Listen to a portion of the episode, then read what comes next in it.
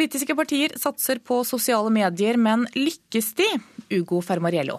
For det er litt pussig. I Kulturnytt har vi både en bruker og en forsker som sier at eh, de synes ikke det, selv om politikere nå har aldri, aldri hatt så mange folk på saken som nå.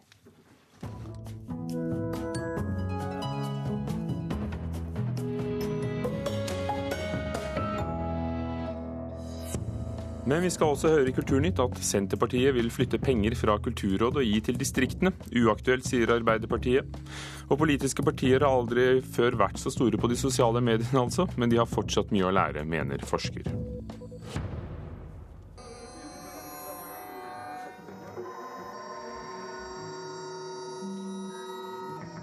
Og dette er lyden av et parti sjakk. Teknisk museum lar publikum spille et 40 år gammelt verk av John Cage, og vi hører hvordan det fungerer senere i sendingen. I sitt nye partiprogram går Senterpartiet inn for å flytte penger og makt fra Kulturrådet til fylkeskommunene. Det ble vedtatt på partiets landsmøte nå i helgen. Kulturrådet forvalter fond og andre tilskuddsmidler for mer enn 1 milliard kroner i året, og er med dette en nøkkelinstitusjon i Kultur-Norge. Men nå ønsker altså Senterpartiet å svekke rådet til fordel for å desentralisere kulturlivet. Og Olav Grøtting, stortingsmedlem i familie- og kulturkomiteen for Senterpartiet. Hvorfor vil dere gjøre dette?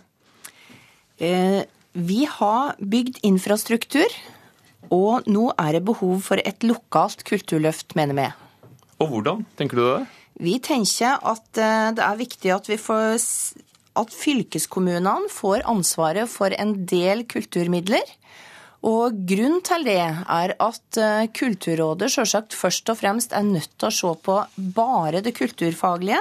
Vi mener òg at det kan være andre kriterier som en skal legge til grunn. F.eks. så en operaforestilling i distrikta har en tilleggsverdi utover det kulturfaglige, og slike ting mener vi òg skal vektlegge, og det tror vi at fylkeskommunen vil gjøre på en god måte. Kulturrådet forvalter i dag flere støtteordninger. Det største er Norsk kulturfond på, på, nesten 600 millioner kroner. Hvilke penger og hvilke beslutninger er det dere vil flytte vekk? Nei, Nå har vi ikke gått veldig konkret inn i denne problemstillingen enda, men vi mener at eh, vi kan se en ganske sentralisert bruk av, eh, av disse kulturmidlene. Til tross for at Enger-utvalget nå sier at regionene får mer, så er det òg regionhovedstedene som, eh, som, i stor grad har fått kulturmidler. Så vi ønsker å se på hvordan vi kan spre disse midlene noe mer. Og Enger-utvalget var altså Anne Engers og hennes kommisjons undersøkelse av hvordan pengene ble brukt. Arild Stokkan Grande, som sitter eh, for eh, Arbeiderpartiet på Stortinget, hva synes du om forslaget fra Senterpartiet? Ja, Vi deler jo ønsket om å få en bedre geografisk fordeling av midlene. Men jeg tror det er en dårlig idé at dette skal legges til fylkeskommunene. For det første tror jeg det vil bygge opp mer byråkrati, eh, sånn at penger forsvinner i stillinger på et kontor i stedet for å komme ut til kulturlivet. Og så er jeg også redd for at eh, en regjering som ikke er villig til å prioritere kultur, lett kan skyve ansvaret over på fylkeskommunen og si at de får prioritere det innenfor sine rammer, istedenfor å følge på med penger. Vi har en ordning som fungerer godt, som fungerer ubyråkratisk. Eh, og eh, vi stiller også nå strenge krav til Kulturrådet om å få en bedre geografisk fordeling gjennom eh, den loven som nå ligger til behandling i Stortinget. Og holder ikke det, fordi denne regjeringen dere er en del av, da, har jo da tydeligvis satt disse betingelsene for Kulturrådet, øh, Olav Grøting? Eh, jo da, det har vi gjort, og det er veldig bra. Men og så har jeg lyst til å dra en parallell til idretten. Eh, Norge gjør det jo veldig veldig bra i en rekke idretter. og Grunnen til det er at vi har breddeidrett. Og eh, vi har tro på at det vil være lønnsomt òg å få mer breddekultur. Eh, og gjennom det faktisk styrke kulturlivet og styrke ja, det å få fram talenter. Det viser jo eh, alle disse her programmene på TV, Idol og Talentiaden og dette, viser jo det. Men er ikke det mer en oppgave for f.eks. kulturskolene, hvor det står eh, titusener i kø? Det er riktig, men da at uh, denne grunnmuren i kulturlivet må styrkes, og det sier òg Enger-utvalget. Og det er jo kulturskoler, fritidsklubber og bibliotekene som må styrkes. Og de har tro på, og det støtter jeg veldig veldig at disse fritidsklubbene kan bli ungdoms- og barnekulturhus. Arild Stokkan Grande, er ikke dette et poeng at dette følger av denne rapporten som dere fikk? Ja, og det er viktig at vi nå eh, finner ordninger som gjør at man eh, både får bedre geografisk fordeling og at man styrker det lokale kulturlivet. Jeg tenker at det først og fremst kan skje gjennom kulturskolene. At vi fortsetter den opptrappinga som vi har starta på der. At vi fortsetter å satse på Den kulturelle skolesekken, som gjør at alle skolebarn får tilgang på kulturliv. Eh, og så er det jo sånn at En av grunnene til at det er en skjevfordeling i midlene til Kulturrådet, er jo at det mangler søknader. At det rett og slett ikke er gode nok søknader, enkelte av dem som kommer inn. Eh, så kanskje kunne en idé vært at Kulturrådet kunne gå inn i fylker hvor det er eh, dårlig tilgang på søknader, og være med å stimulere til utvikling. Jeg tror at eh, men hvorfor er, å, hvorfor er, du så engstelig for å flytte beslutningsmyndigheten nærmere der hvor folk bor? Ja, en av grunnene er at jeg tror at Hvis hvert fylke må bygge opp en egen administrasjon for å fordele disse midlene, så vil mye av midlene forsvinne i eh, kontorstillinger, i stedet for at det kommer kulturen til gode. Eh, en annen ting er jo at Vi trenger noen som har et oversiktsbilde over hele landet. Det kan Kulturrådet sikre. Men så er det også eh, viktig at du har noen som sitter på disse midlene, som også vurderer det kulturmessige eh, kvaliteten, eh, det kulturmessige skjønnet. Og Der har Kulturrådet god eh, erfaring, og det fungerer utmerket. Og Da må Men... vi la siste ord gå til Olav Grøtting fra Senterpartiet, som altså i landsmøtet i, dag, i denne helgen besluttet å flytte mer makt bort fra Kulturrådet til fylkene. Er du ikke redd Olav Grøtting, for nettopp at denne kompetansen blir borte, at fylkeskommunen ikke, ikke får det sånn over natten? Nå må jeg si det at Vi har ikke tenkt å flytte alle midler bort fra Kulturrådet. På ingen måte. Ja, Dere er ganske runde i formuleringene? Vi er runde i formuleringene, og dette må vi se på. Jeg er helt sikker på at vi kommer til å bli enige med Arbeiderpartiet og SV om hvordan vi skal gjøre dette her. Men en del midler ønsker vi da å flytte til fylkeskommunene. Takk skal dere ha.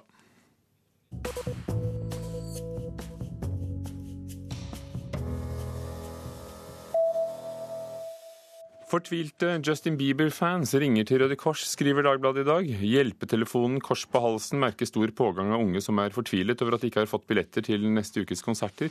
Etter at billettene ble utsolgt, fikk arrangøren Atomic mange henvendelser fra unge jenter som fortalte om selvskading og selvmordstanker i et uh, forsøk på å få billetter. Og Derfor inngikk Atomic et samarbeid med Røde Kors. Under konserten vil en 13-åring også arrangere rosehyllest for Justin Bieber, og håper å selge 70 000 roser utenfor eh, arenaen der konsertene foregår, skriver VG. Nettstedet Wikileaks vil i dag offentliggjøre 1,7 millioner dokumenter fra etterretningstjenesten til USA og det amerikanske diplomatiet. Dokumentene kommer fra 70-tallet og blir lagt ut på Wikileaks nettside, ifølge grunnleggeren Julian Assange. Wikileaks fikk kritikk fra bl.a. USA da nettstedet i 2010 offentliggjorde mer enn 250 000 diplomatiske brev og rapporter. Ansatte ved Rock City i Namsos eh, ser frem til arbeidsro etter at styret i helgen bestemte seg for å ikke forfølge de forholdene som er avdekket ved driften. Før påske vurderte styrelederen å anmelde selskapet til politiet etter at interne granskingsrapporter viste svikt ved selskapets økonomiske rutiner. Og nå presiserer styret at det ikke er påvist misligheter eller at bedriften er litt tap som følge av det som er gjort.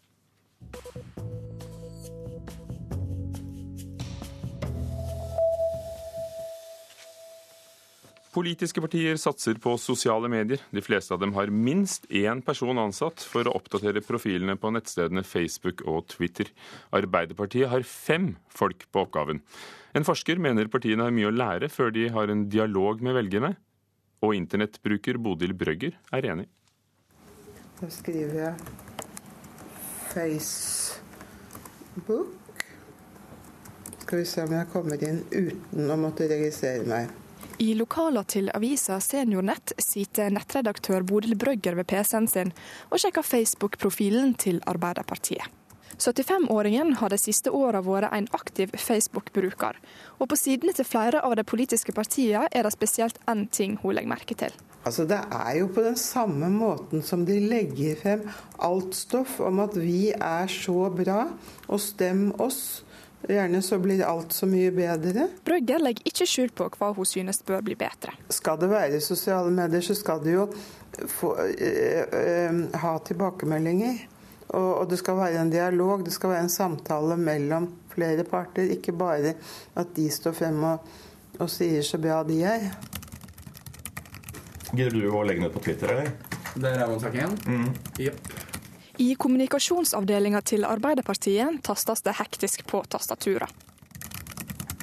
I partiet er det hele fem personer som har ansvaret for å oppdatere alt fra Twitter til Facebook. Det er rett og slett bare å eh, ta saken fra nettsida vår, og så legger jeg den ut på Facebook her. Og så trykker jeg på 'publiser' når jeg har sett at eh, alt er eh, i orden.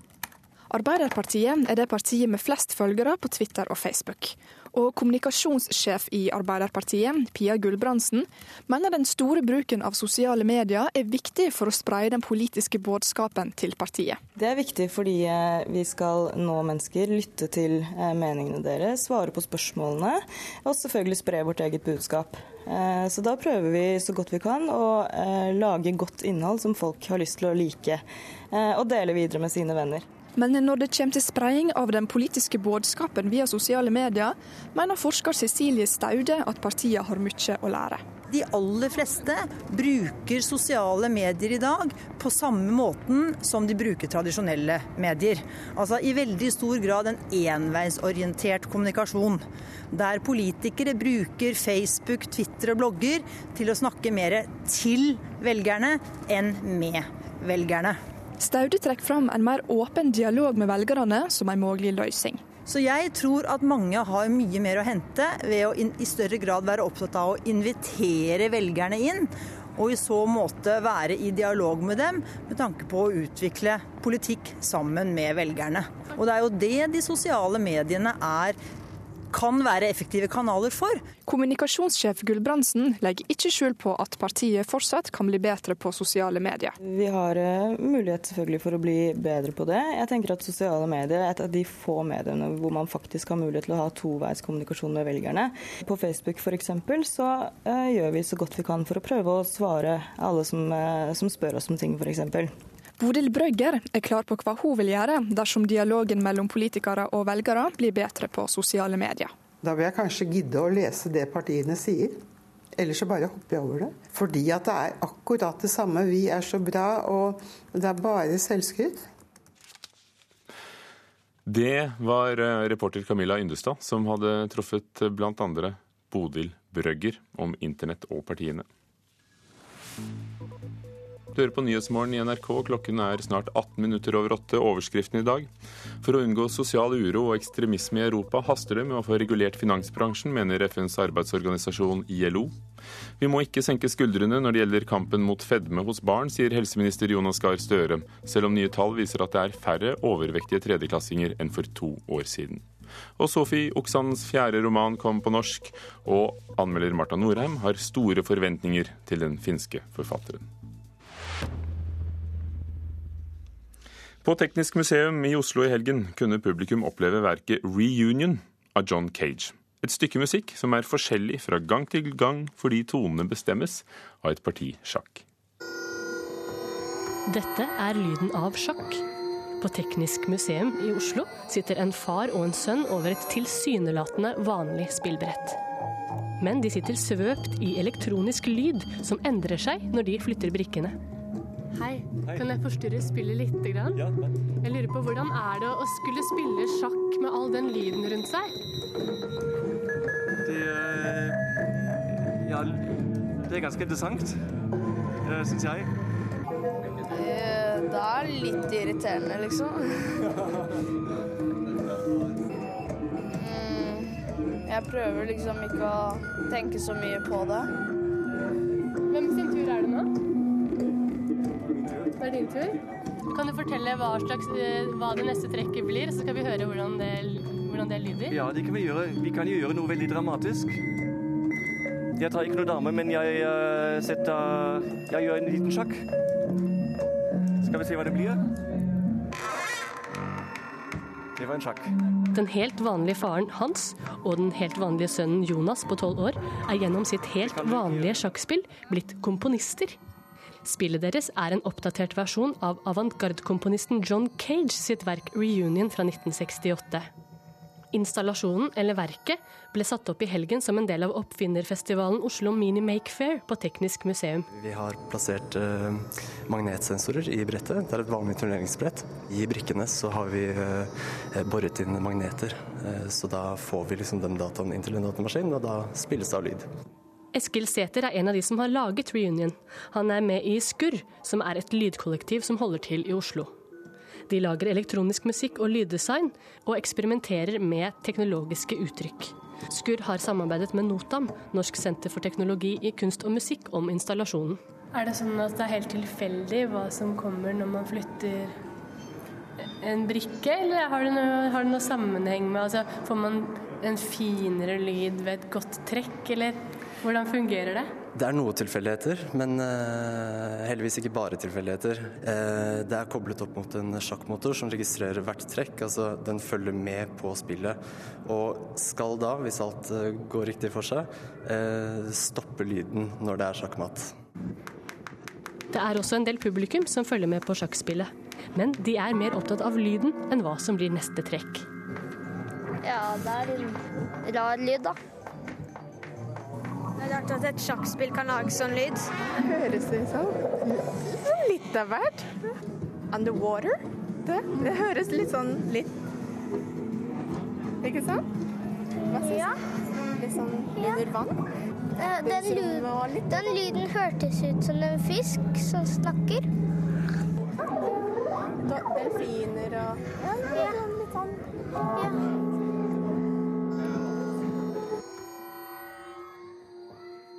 Delfiner og snakkende fisk for eh, Nicolas og hans mor Cherie, og reporter på Teknisk museum var Ina Strøm. Peter Tornquist, eh, komponist og leder av musikkteknologiavdelingen på Norges musikkhøgskole. Hva gjør et verk som dette med din rolle som komponist? Jo, det er jo eh, egentlig en veldig interessant situasjon der. fordi det du har der, er en, en gjenskapelse av et verk som egentlig er et klassisk verk. Reunion er jo kjent verk av en veldig kjent klassisk, eh, for så vidt modernistisk komponist, John Cage.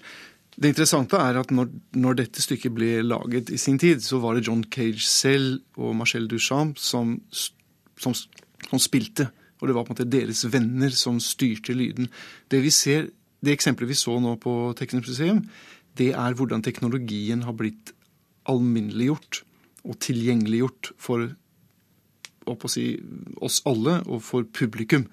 Så når vi har helt alminnelige du kan si, publikummere som spiller på sjakkbrettet, så er det ikke nødvendigvis noe, noe måtte, lenger noen sammenheng mellom det kunstuttrykket som John Cage opprinnelig ønsket, og det som kommer ut nå.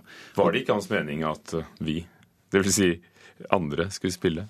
Jo, antakelig var det det, for han var veldig opptatt av det. Men, men det interessante er at nå har måte det som var et kunstprosjekt til å begynne med, blitt egentlig en performance. Og det er kanskje ikke lenger moderne?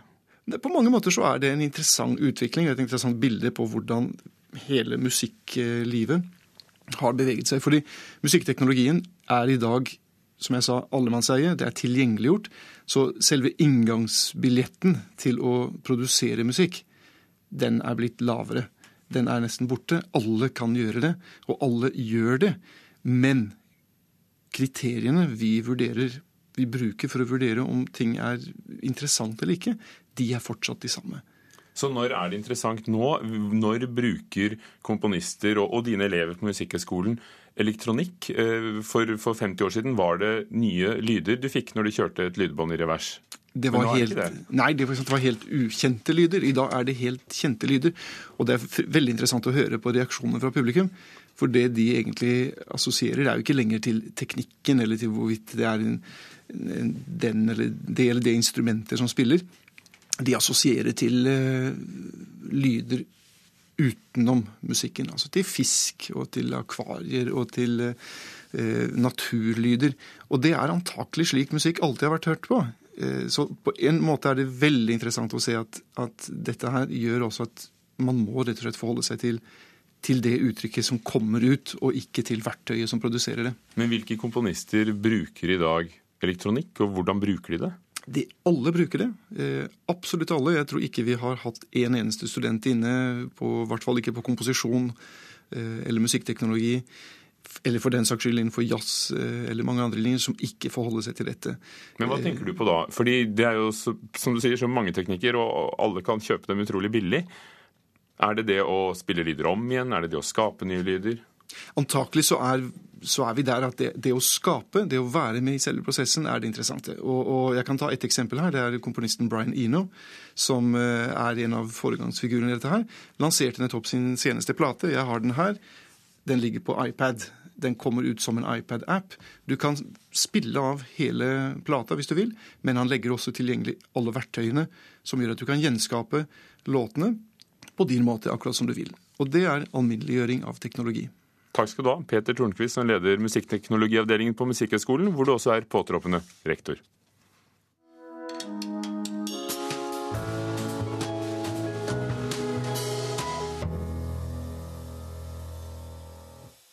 Da finske Sofie Oksans fjerde roman ble lansert i fjor, var det reneste rockekonsertstemningen i Tallinn. Tusenvis av finner kom på charterferjen over bukten til Estland for å være med på festen. Og bøkene til Oksan kommer ut i over 40 land. Hun har fått mange litteraturpriser etter debuten for ti år siden. Vår kritiker Marta Norheim tilhører den voksne skaren av begeistrede lesere, så når bok fire kom ut på norsk, da duene forsvant, var også hennes forventninger store. Vi er helt klart i Sofie Oksanen-land, men likevel er det noe som er annerledes denne gangen. Først det som likner. Det er krig. Estland er i skvis mellom Sovjetunionen og Nazi-Tyskland. Situasjonen er uoversiktlig. Makta endrer språk og ansikt på kort varsel. Dette skaper vekstgrunnlag for to svært ulike strategier. Den ene er å snu kappa etter vinden. Den andre er å kjempe kompromissløst mot alle okkupasjonsmakter og for et uavhengig Estland. Det begge strategiene har som konsekvens, er at utøverne må skjule seg. Anten heile seg, gjerne i skogen, slik de såkalte skogsbrødrene gjør, eller det gjelder å skjule den delen av livshistoria som nye makthavere ikke vil like og de som må skjule noe, må før eller siden også skjule noen som veit for mye. Og de som veit for mye, har gjerne vært nære, og kanskje til og med kjære, i en tidligere livsfase. Dette er kjent terreng fra romanene Stalins kyr og Utrenskning, romaner som har gitt Oksan en velfortjent internasjonalt ry. I denne nye romanen er historia bygd opp rundt to fettere som vel hver sin strategi når det braker løs. Vel og bra. Og Da duene forsvant er ingen dårlig roman, men nå er det jo engang slik at det knytter seg store forventninger til de som tidligere har skrevet fantastiske romaner. Det som er annerledes denne gangen, er at personene er heller utvendig skildra. Det virker ikke som det er viktig for oksene å fylle dem ut til å bli hele og sammensette mennesker. I stedet får de representere roller eller strategier i det store spelet. Slikt trenger ikke være gale i seg sjøl. Det finnes glimrende romaner der historia spiller hovedrolla, men forfatteren har også valgt å la språket få noe flatt, thrilleraktig over seg. Borte er de ekstremt spesifikke og sanselige skildringene av matlaging på kjøkkenet eller livet i landsbyen, av det helt spesielle kjærlighetsforholdet. alt det som gjorde at vi forsto hvor vi var og hva som sto på spill med alle sanser. Denne gangen må vi i stor grad tru på forfatterens påstander. Tilbake står ei historie om et lite land som har lidd under presset fra stormaktene i regionen. Denne historien kan Oksanen bedre enn de fleste, men dette er ikke ei historiebok, det er en roman. Og som roman når den ikke det nivået vi skal vente oss av en forfatter som Sofi Oksanen. Sa kritiker Marta Norheim om Da duene forsvant, som er oversatt fra finsk av Turid Farbreid. I Chile blir forfatteren Pablo Nerudas grav åpnet i dag. Nobelprisvinneren døde tolv dager etter militærkuppet i 1973. Neruda var en støttespiller for tidligere president Salvador Allende, og obduksjonen som nå skal foregå, skal fastslå om han døde av kreft, som er den offisielle versjonen, eller om han ble forgiftet av Pinochets agenter, slik Nerudas sjåfør har hevdet. Senterpartiet vil flytte penger fra Kulturrådet til fylkene. Det var hovedsaken i Kulturnytt i dag, som var ved Per Ivar Nordahl, teknisk ansvarlig. Vidar Sem, produsent. Ugo Fermariello, programleder.